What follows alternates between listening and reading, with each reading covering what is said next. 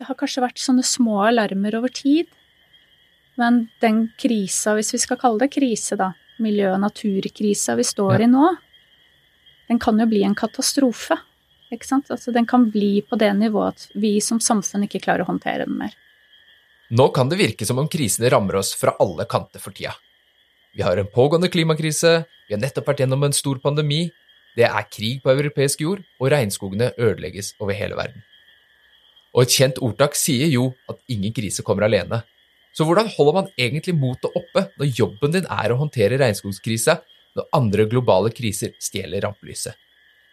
Og står det egentlig så ille til i verden som det kan fremstå i mediene i dag? Mitt navn er Joe, og i dag får Regnskogpodden besøk av krisespesialist og seniorrådgiver i Regnskogfondet, Aina Grødal.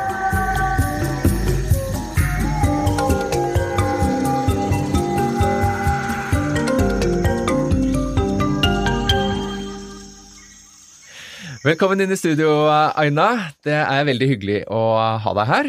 Tusen takk.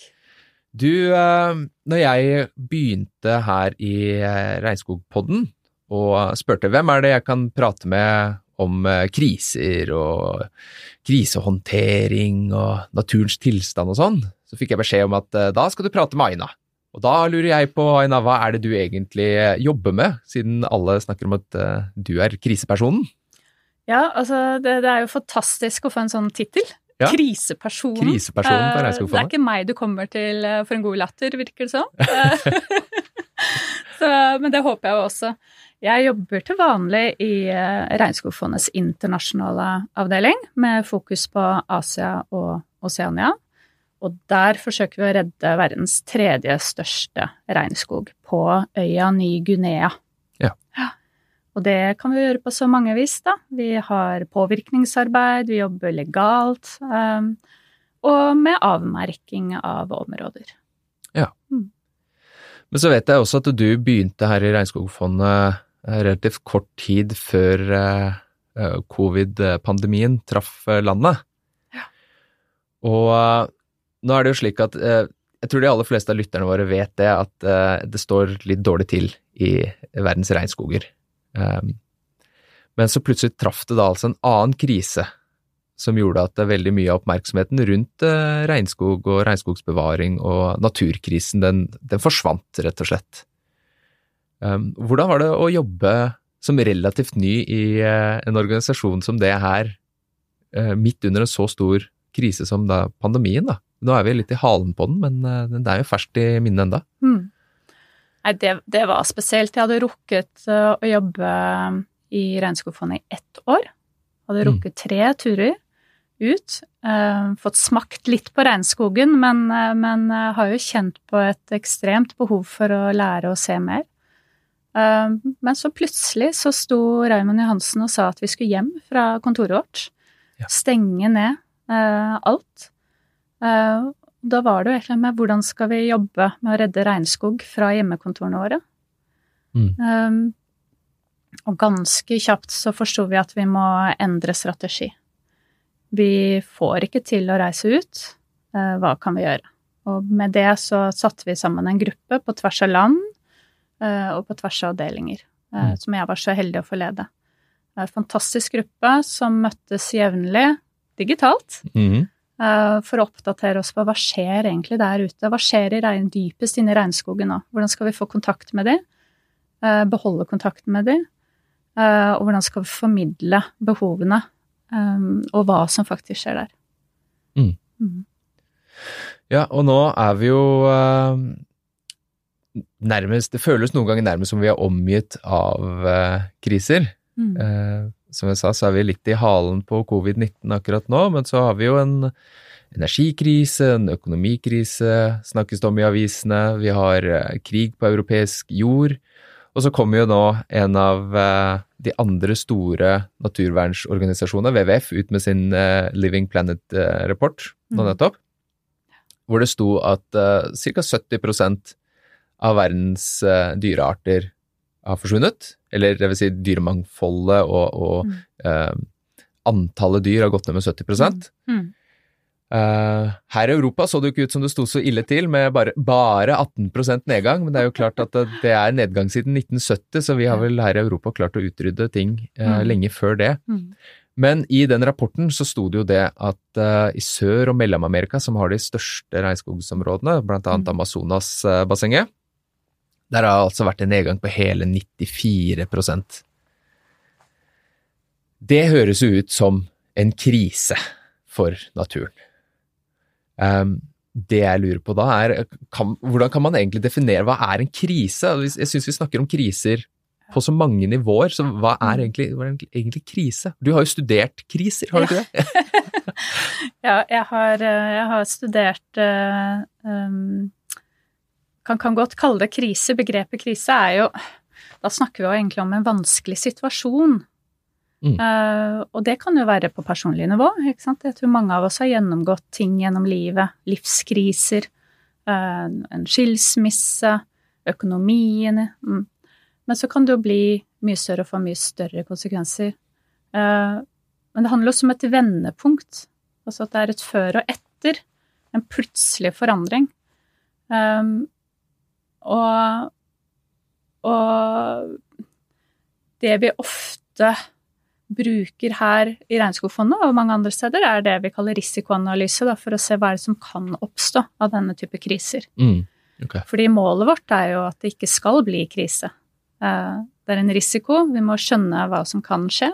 For eksempel um, hva kan vi gjøre for å forhindre ytterligere ødeleggelse av regnskog? Ja. Mm. Fordi vi vet at konsekvensen av ødeleggelse er nettopp det rapporten viser til. Uh, hva um, Hva kan vi gjøre individuelt, hva kan vi gjøre på gruppenivå? Mm. Så og konsekvensene kan jo være sånn som av en pandemi, kan jo være på liv og helse, det kan være, men det kan også være økonomiske konsekvenser. Um, ja. Og en krise, det er jo noe vi bare bruker veldig mye i media. Jeg syns ja. det er litt sånn jeg er ikke så glad i begrepet alltid. Nei. Helt krise! Alt er jo helt krise hele tiden. Uh, og det kan føre til slitasje, da, at folk slutter å lytte til oss også, ikke sant. Ja. Men, det, men det, det, har jo tatt veldig, veldig lang tid for oss i miljøorganisasjonene å bli lytta til også, ikke sant. Og alle disse forskerne som har vist gang på gang og prøvd å si alarm, å trykke på denne alarmknappen. Jeg tror du at det, mm. det, trykkes for ofte på alarmknappen, kanskje? Eller for seint. Eller for seint, ja. Ja, for jeg, jeg, jeg, tenker det Det har kanskje vært sånne små alarmer over tid. Men den krisa, hvis vi skal kalle det krise, da, miljø- og naturkrisa vi står ja. i nå, den kan jo bli en katastrofe. Ikke sant? Altså, den kan bli på det nivået at vi som samfunn ikke klarer å håndtere den mer. Mm. Og hva skal vi gjøre for å forhindre det?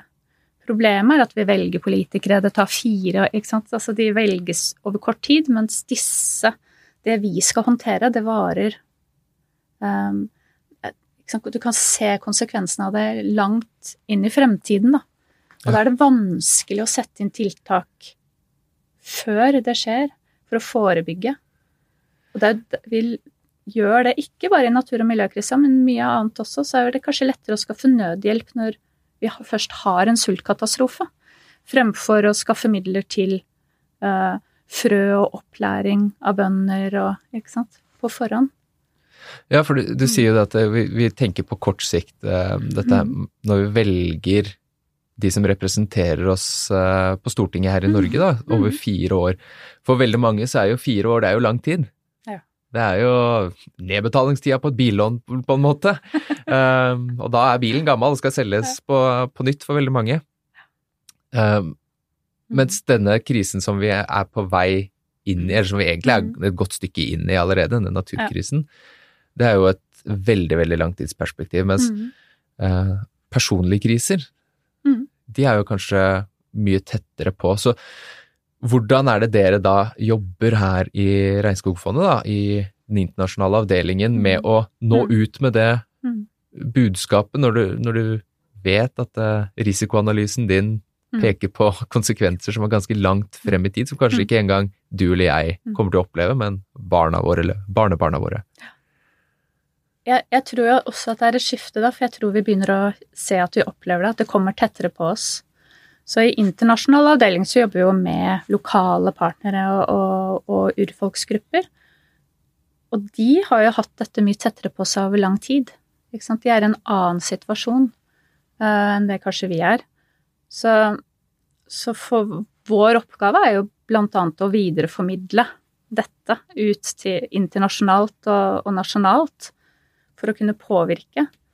Um, jeg vil jo si at vår oppgave er jo også å forsøke å formidle og se om vi kan skaffe penger til tiltak som, som sørger for at det ikke blir mer fristende å, å hugge det treet.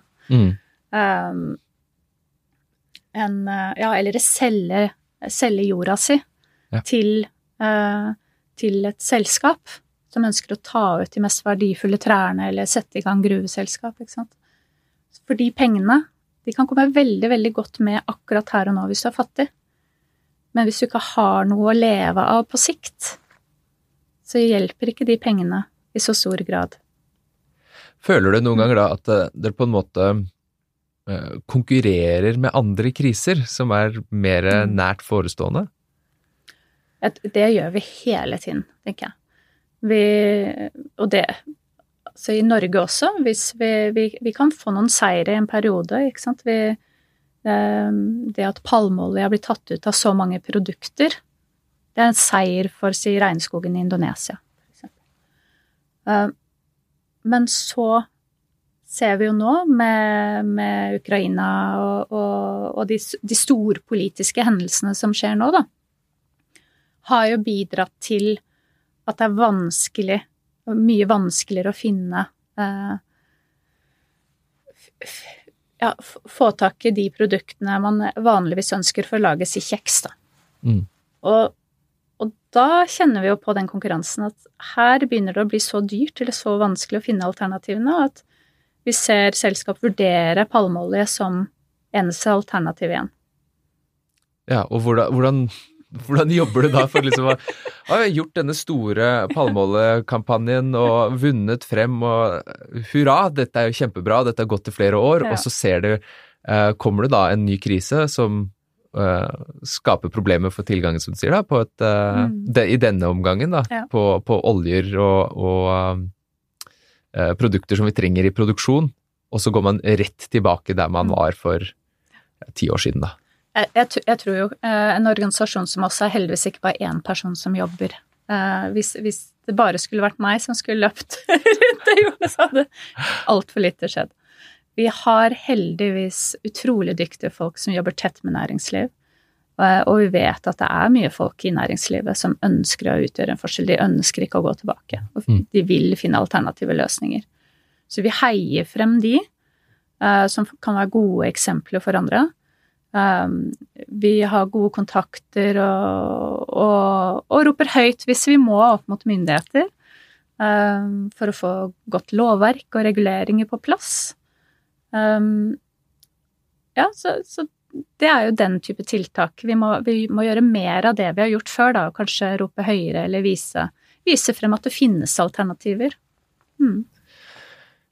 Ja, du, nevnte nå liksom, politikerne og byråkratiet også. Mm. Uh, nå var det nettopp lagt frem et uh, statsbudsjett som kanskje ikke var det aller mest positive for, uh, i hvert fall ikke for norsk natur, men for naturvern generelt. Hvordan er det egentlig å jobbe opp mot disse store, store spørsmålene, da? Altså jobbe med politikere, jobbe som jobbe fire år om gangen Mm. Jobbe med industri, uh, industriene, og der de selvfølgelig ønsker å tjene penger.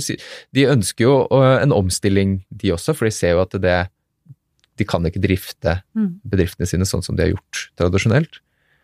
Um, hvordan, hvordan, er det forskjell å jobbe opp mot politikerne opp, og, i forhold til opp mot næringslivet, da? At det er jo et veldig spennende felt, fordi du kunne også sagt hvordan er det forskjell å jobbe lokalt, nasjonalt og internasjonalt mm. opp mot de samme aktørene, da.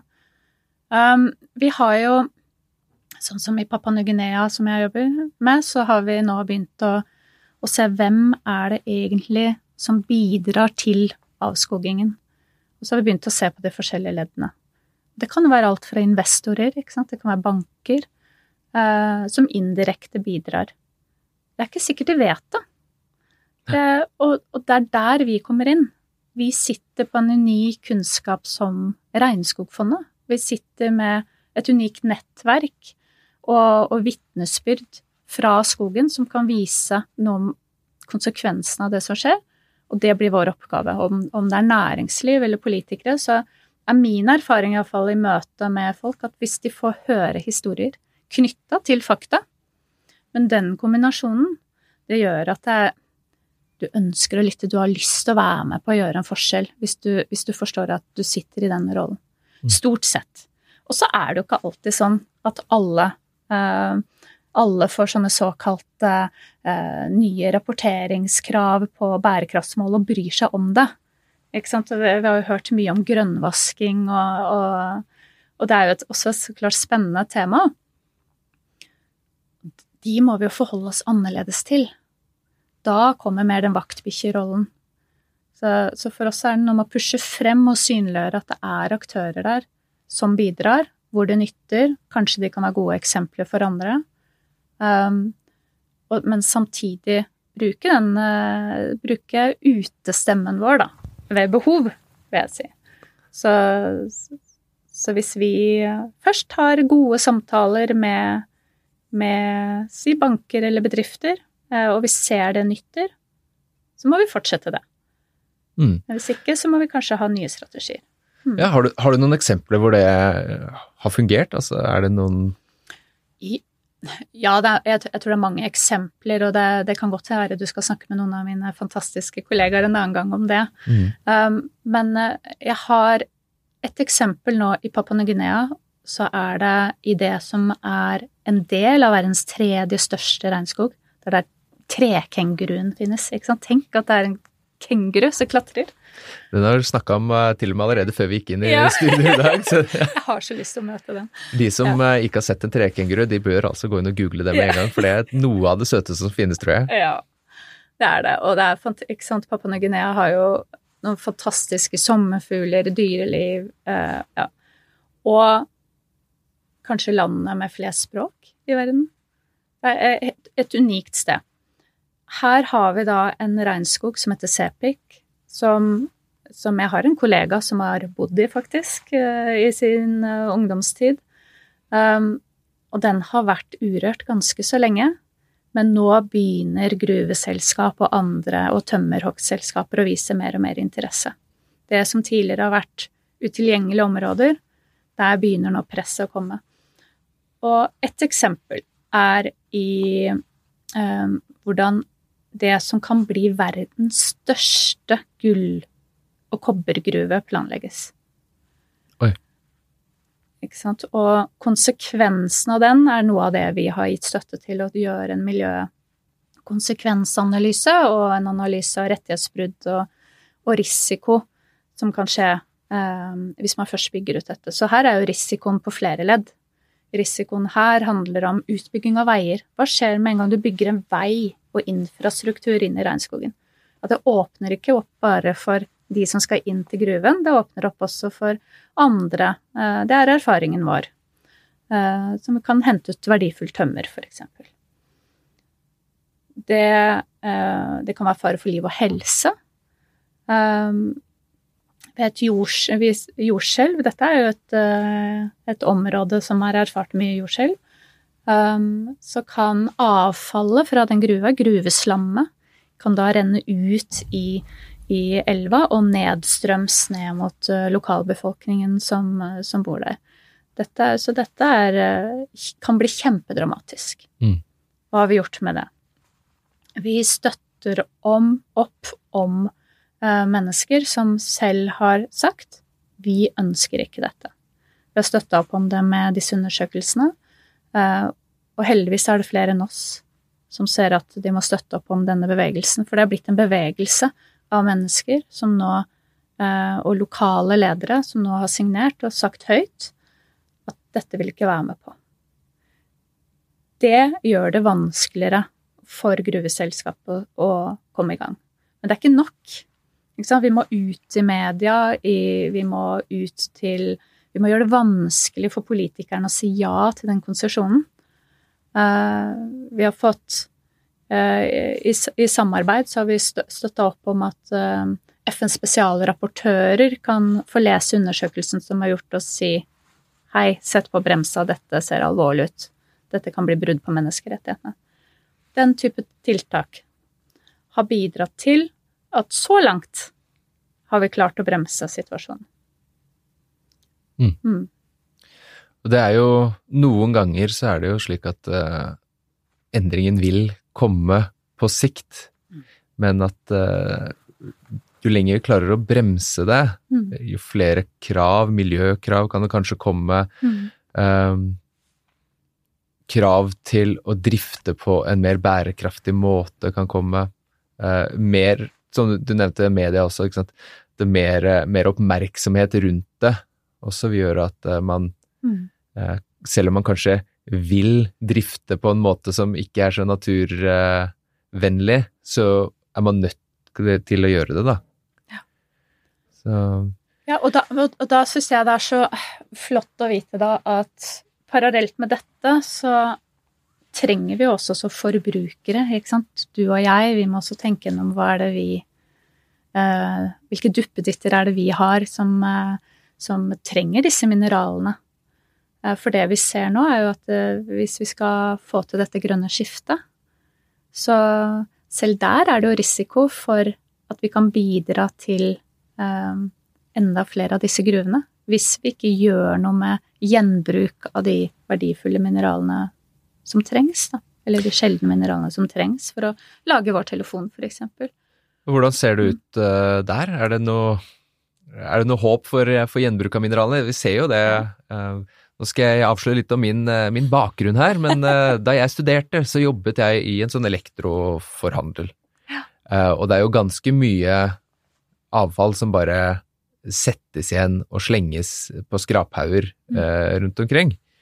Og jeg vil jo anta at det er tonnevis med kobber, tinn, um, gull osv. som ligger rundt omkring i skuffer og skap og søppelplasser, fyllinger, bare i Norge.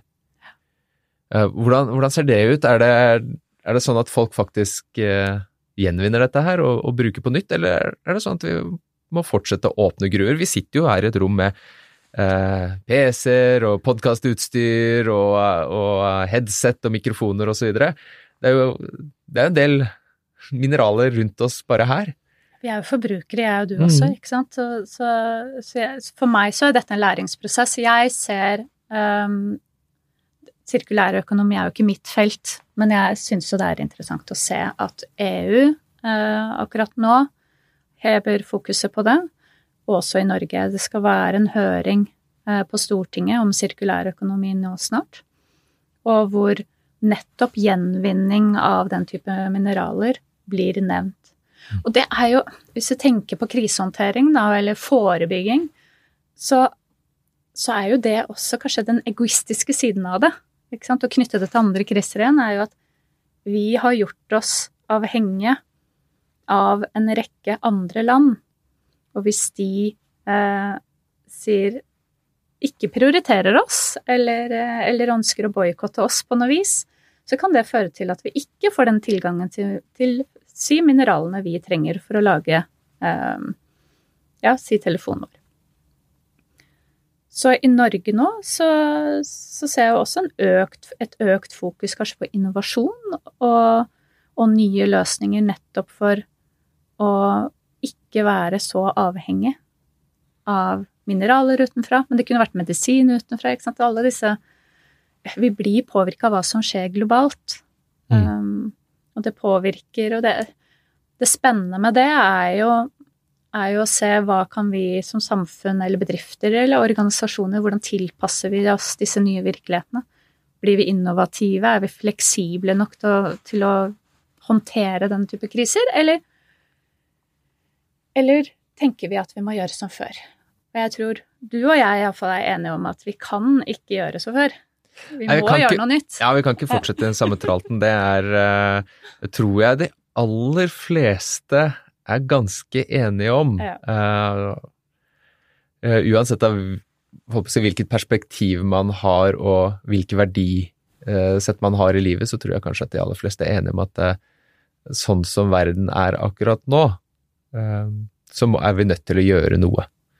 Vi har ikke lyst til at barna våre skal vokse, ikke sant. Vi, vi to som har barn, da. Mm. Det, det snakka vi litt om tidligere. Vi har jo ønska at barna våre skal vokse opp i en litt lysere fremtid enn det vi kanskje opplever at de gjør nå. Helt klart. Og da, da kjenner jo, tror jeg, flere og flere på en plikt til å gjøre noe. Uh, og jeg håper at det øker motivasjonen til de fleste av oss, og ikke gjør at vi blir økostressa eller Nei.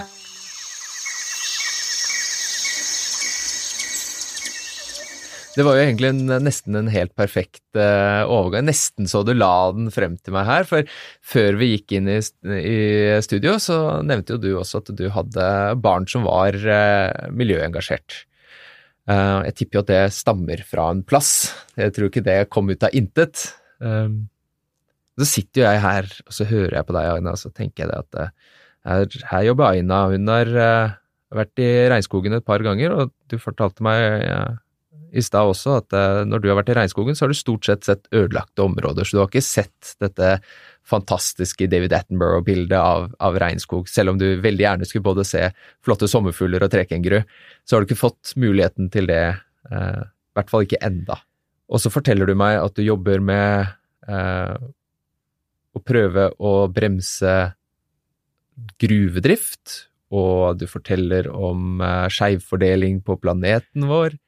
Og i det hele tatt så høres jo ikke det ut som en veldig positiv arbeidshverdag. Sånn, det høres jo nesten litt trist ut, og det er jo, det er jo store, tunge og alvorlige temaer du jobber med. Allikevel så sitter du her, og du smiler og er glad, og du er du har studert krisehåndtering og i det hele tatt um, Hvordan er det du holder deg engasjert? Altså, hva, hva, er det som har fått deg inn hit i Regnskogfondet? Du har jo også um, tidligere jobba som lærer, og så bytta du for en rundt en ti år siden, ti-tolv år siden, så bytta du begynte å jobbe mer mot humanitære um, problemstillinger. Og du har vært frivillig i en rekke organisasjoner og sittet i styret med humanitære organisasjoner. Og du har jobba med ganske sånne tunge ting. Hva, hva, er det som får dette engasjementet fram i deg? Hva er det som driver deg til å komme på jobb hver dag? Oi. Uh, hva som driver meg, det tror jeg er folka. Ja. Det Jeg har vært så heldig gjennom alle disse årene å møte tøffe, innovative, oppofrende mennesker som står på for seg og sine. Uh, men ikke bare det, de står også opp for uh, um, rettighetene og miljøet for oss alle. Ikke sant? Og, og det, gjør, det har, gjør mye med meg. Mm. Um, de møtene, rett og slett. Uh, det, det girer meg opp mer enn det trekker meg ned. Um, jeg, har lyst til, jeg har lyst til å være en av de. Eller jeg har, ikke, jeg, har ikke, jeg har lyst til å være på riktig side av historien. Ja. Uh, og for jeg, jeg mener at, at, det å kunne bidra i det jeg mener er en av de mest undervurderte krisene vi har møtt på, og som nå har blitt tatt på alvor, ikke sant, men Herlighet, jeg husker da jeg var ung og miljøengasjert. Det, vi ble, ble, jo sett litt rart på. Ja, det var, var, jo ikke eh, Ja. Og så, Herlighet, og så se den nye generasjonen som tar til gatene. Eh, eller min egen, mine egne barn. ikke sant? Jeg har jo en datter nå sammen med en eh, gjeng med venner som har starta eh, Miljøkampen. Ja, en mm. lokal organisasjon på Kampen. Uh, og de er helt fantastiske. Og de, de, er superengasjerte. Så jeg tror jo Ja, og det tror jeg ikke bare kommer fra meg. Jeg tror mange har et sånn ekstra gir, for de skjønner alvoret. De skjønner at det å bidra, det løfter oss ofte heller opp. Fordi hvis jeg skulle sitte og se på disse nyhetene, med skogbranner, med tørke, med sult, med krig, og ikke gjøre noe, så tror jeg det faktisk hadde trukket meg ned. Og det sier også forskning på psykologi, at det å gjøre en handling. Det, det å aktivere der, det kan være, kan være noe Ja. Ja, det jeg, Bedre måte å takle kriser på, da.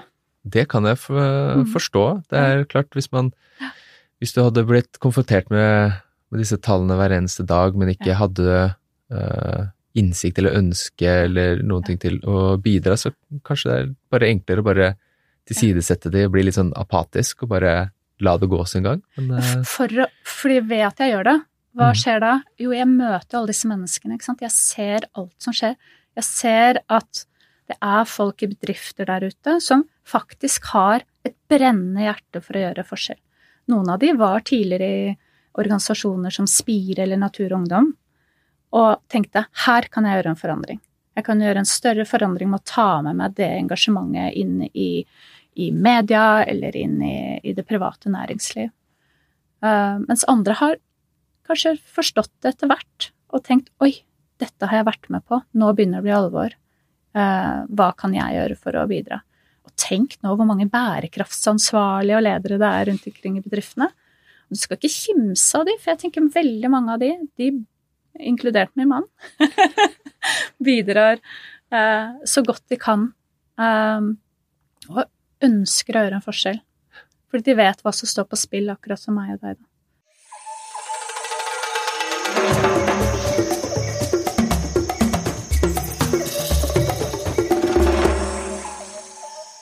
Ja, en, kritikk som uh, miljøbevegelsen ofte kanskje møter, er jo litt dette her med at eh, grønnvasking, som du var inne på i stad, at uh, Mm. man prater mye om det, og så uh, agerer man ikke på samme måte som Ja. budskapet. Man snakker om dette begrepet bærekraft, som er blitt veldig vaska ut og oppbrukt, og fått litt kritikk.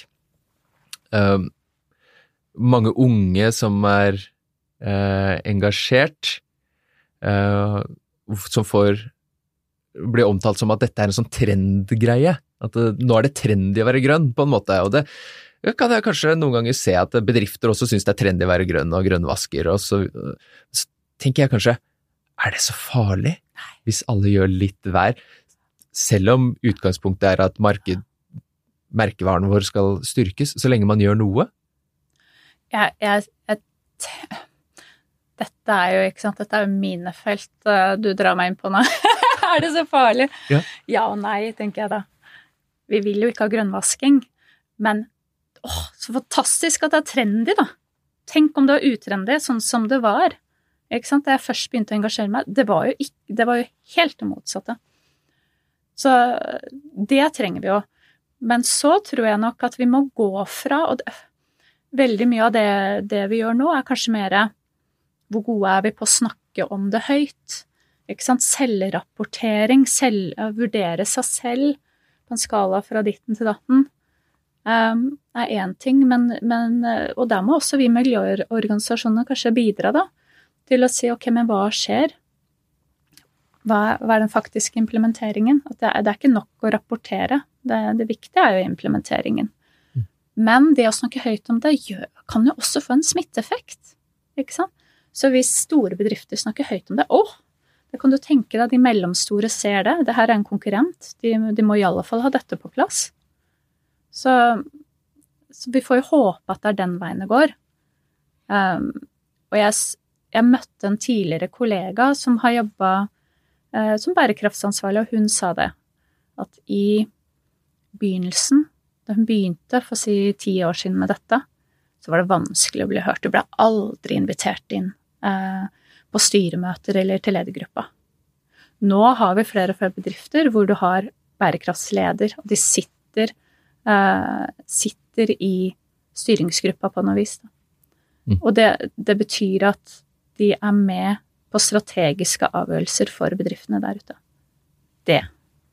Det tenker jeg vi skal bare heie frem. Så da tenker du det at det er, eh, at det er blitt eh, populært og trendy, er mye bedre enn klima- og miljøskam, som har vært Ja. litt eh, Kanskje vært trenden de siste ja, Frem til egentlig de siste par åra så har det vært mer sånn skamme seg over det man gjør dårlig? Er det, er det bedre å være stolt over det man gjør bra, eller er det en kombinasjon av begge, tenker du? Jeg tenker jo vi trenger, ja, altså litt Ole Brumm her, vi trenger jo Ja takk, begge deler. Jeg, jeg, jeg tenker Det er visse Følelsesspekteret vårt har vi jo av en grunn. Det, det skal forsøke å si oss noe. Ikke sant? I en krise skal frykt forsøke å si oss noe. At du skal ta noe på alvor. Og så kan kanskje tannlegefrykt uh, være en ting du ikke skal lytte like mye til, fordi du, du trenger faktisk tannlegens hjelp, enn en frykt for klima og, og, miljø og konsekvensen av det. Um, så ja takk, begge deler. Vi trenger å skamme oss, fordi skammen også har noe å si, men går den for langt, så tror jeg ikke vi får med oss alle, for det er ikke alle som kjenner at det er noe jeg har lyst til å være med på. Ikke sant? Så hva får du Hvor er, hvor er alternativene, da? Jeg tror man må, para, må, jobbe parallelt her. At vi må forbruke mindre, vi må, må eh, reise mindre, vi må sant, gjøre en del av de tingene vi kanskje ikke har så lyst til. Som er liksom vanskelige valg, men. Men vi trenger også å kjenne på at jeg er med på noe gøy. Jeg er med på å utvikle noe nytt. Jeg er med på øh, å innovere. Jeg er med på å få med øh, banken eller bedriften eller organisasjonen eller familien øh, på at vi skal gjøre ting på nye måter. Vi trenger jo disse løsningene. Ja. Det er helt klart. Mm. Og jeg er veldig glad for at perspektivet og engasjementet ditt er med på å, å dra det lasset litt i front her i Regnskogfondet. Mm. Um, vi begynner jo å nærme oss uh, slutten av samtalen vår allerede. Ja, verden. Tida flyr. Men det er et spørsmål som jeg alltid stiller uh, gjestene som kommer inn. Uh, og det er Hva syns du er det aller beste med regnskogen? Oh. Aller beste med regnskogen? Aller beste med regnskogen, fra ditt perspektiv. Nå snakker vi ikke Regnskogfondet, nå snakker vi Aina. Ja. Nei, altså, jeg sa det jo til deg, som du nevnte før vi kom her, at jeg skulle ønske jeg hadde hatt disse fantastisk vakre opplevelsene i regnskogen. Første, et av mine første besøk i regnskogen var da jeg skulle reise alene i Latin-Amerika som ung. Og da reiste jeg over grensa fra Mexico til Guatemala, fra Chiapas, og sov ute i hengekøye. Eh, så det gikk jo fra at det var liksom varmt og klamt til kaldt på natta. Og sånn jeg husker det da, var jo den følelsen av altså alle disse lydene. Um, alt dette ukjente, på et vis, som trigga noe i meg, og en nysgjerrighet i meg. Og jeg følte meg veldig liten, men uh, som en del av noe stort. Men i dag så jobber jeg jo med dette. Altså, da ser jeg jo, eh, også i min forrige jobb, så jeg har jo sett mye ødeleggelse av regnskog. Og det er også en sånn vekker og en påminnelse om hvor viktig det er. For hva er det aller beste med, og det viktigste med regnskogen? Det er jo, det er jo hjemmet til planter, dyr, mennesker. Det er en rikdom jeg tror vi ikke forstår rekkevidden av. Det er så mye uoppdaga der, og det trigger, det trigger sikkert din nysgjerrighet også. Jeg vet at i regnskogene i Papua Ny-Guinea så er det utrolig mange dyrearter som ikke har fått et navn. De er ikke oppdaga. Tenk det. Ja. Og, og sånn burde det egentlig bare forbli.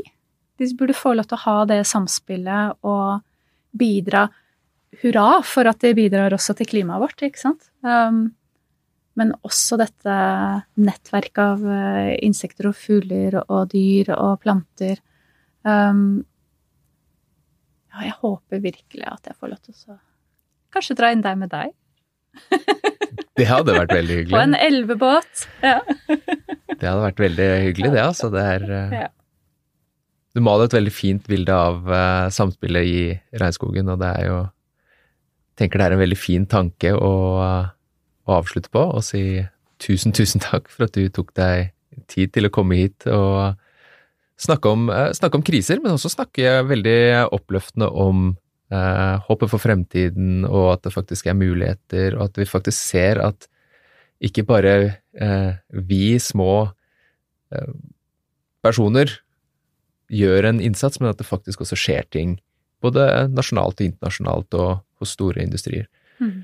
Det setter jeg i hvert fall veldig pris på, at noen gir meg et lite ekstra håp som jeg kan bære med meg i hjertet fremover i kampen for regnskogen. Så tusen takk for at du kom til eh, Regnskogpodden, så håper jeg at du får til en regnskogstur snart. Tusen takk for at jeg fikk eh, komme.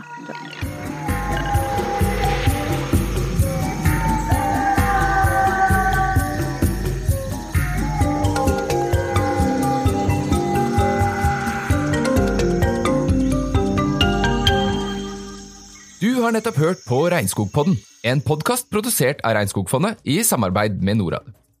Liker du det du hører? Da vil vi anbefale deg å trykke på abonner-knappen på Regnskogpodden der du lytter til podkast. Da går du ikke glipp av episodene som kommer i nærmeste fremtid. Og vi blir også veldig glad om du har lyst til å anbefale oss til eh, familien din eller til en venn. Ønsker du å lære enda mer om hva Regnskogfondet egentlig driver med? Da finner du masse informasjon inne på www.regnskog.no på Instagram at Regnskogfondet og på Facebook. Vi hører veldig gjerne tilbake fra dere som lytter til oss, så om du har ris, ros, spørsmål, kommentarer eller forslag til tema og gjester, så kan dere sende det til oss på en god gammeldags e-post på pod.